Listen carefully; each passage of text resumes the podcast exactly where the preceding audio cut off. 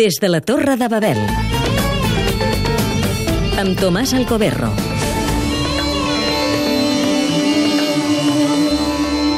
A l'Egipte contemporani hi ha dues grans forces polítiques i socials. L'exèrcit, que per primera vegada va fer un cop d'estat també a l'estiu de l'any 1952 contra el rei Farouk, i la confraria dels germans musulmans fundada 30 anys abans, encara sota el domini colonial britànic.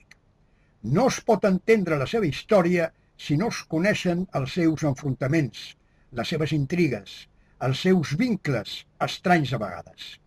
Entre els oficials lliures, per exemple, de 1952, a l'Anwar al-Sadat, més tard president de la República, era un dels seus simpatitzants. Des d'aquelles jornades del 52 al 2011, la República va ser bàsicament de naturalesa militar i militars van ser els seus quatre presidents. Eren anys de persecucions contra l'Ijuan, els germans musulmans, responsables d'accions violentes, que, amb la seva bandera de l'islam és la solució, volen configurar un estat de valors islamistes oposant-se al laïcisme i al nacionalisme àrab de la casta militar. La seva força estava tan arrelada a la població, sobretot a l'Egipte profund, que va sobreviure a totes les embestides. La confraria, que després va renunciar a la violència per conquerir el poder, volia arribar al govern mitjançant les urnes.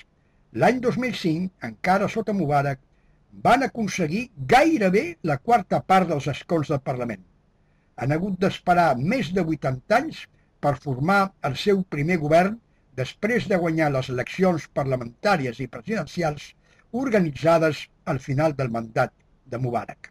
La història d'Egipte sembla que es farà entre aquests dos grans protagonistes. És com si fos un joc on la pilota passa sempre per sobre dels caps de milions dels seus habitants. Les seves veus queden apagades sota els cops de les espases i els crits dels integristes de l'islam.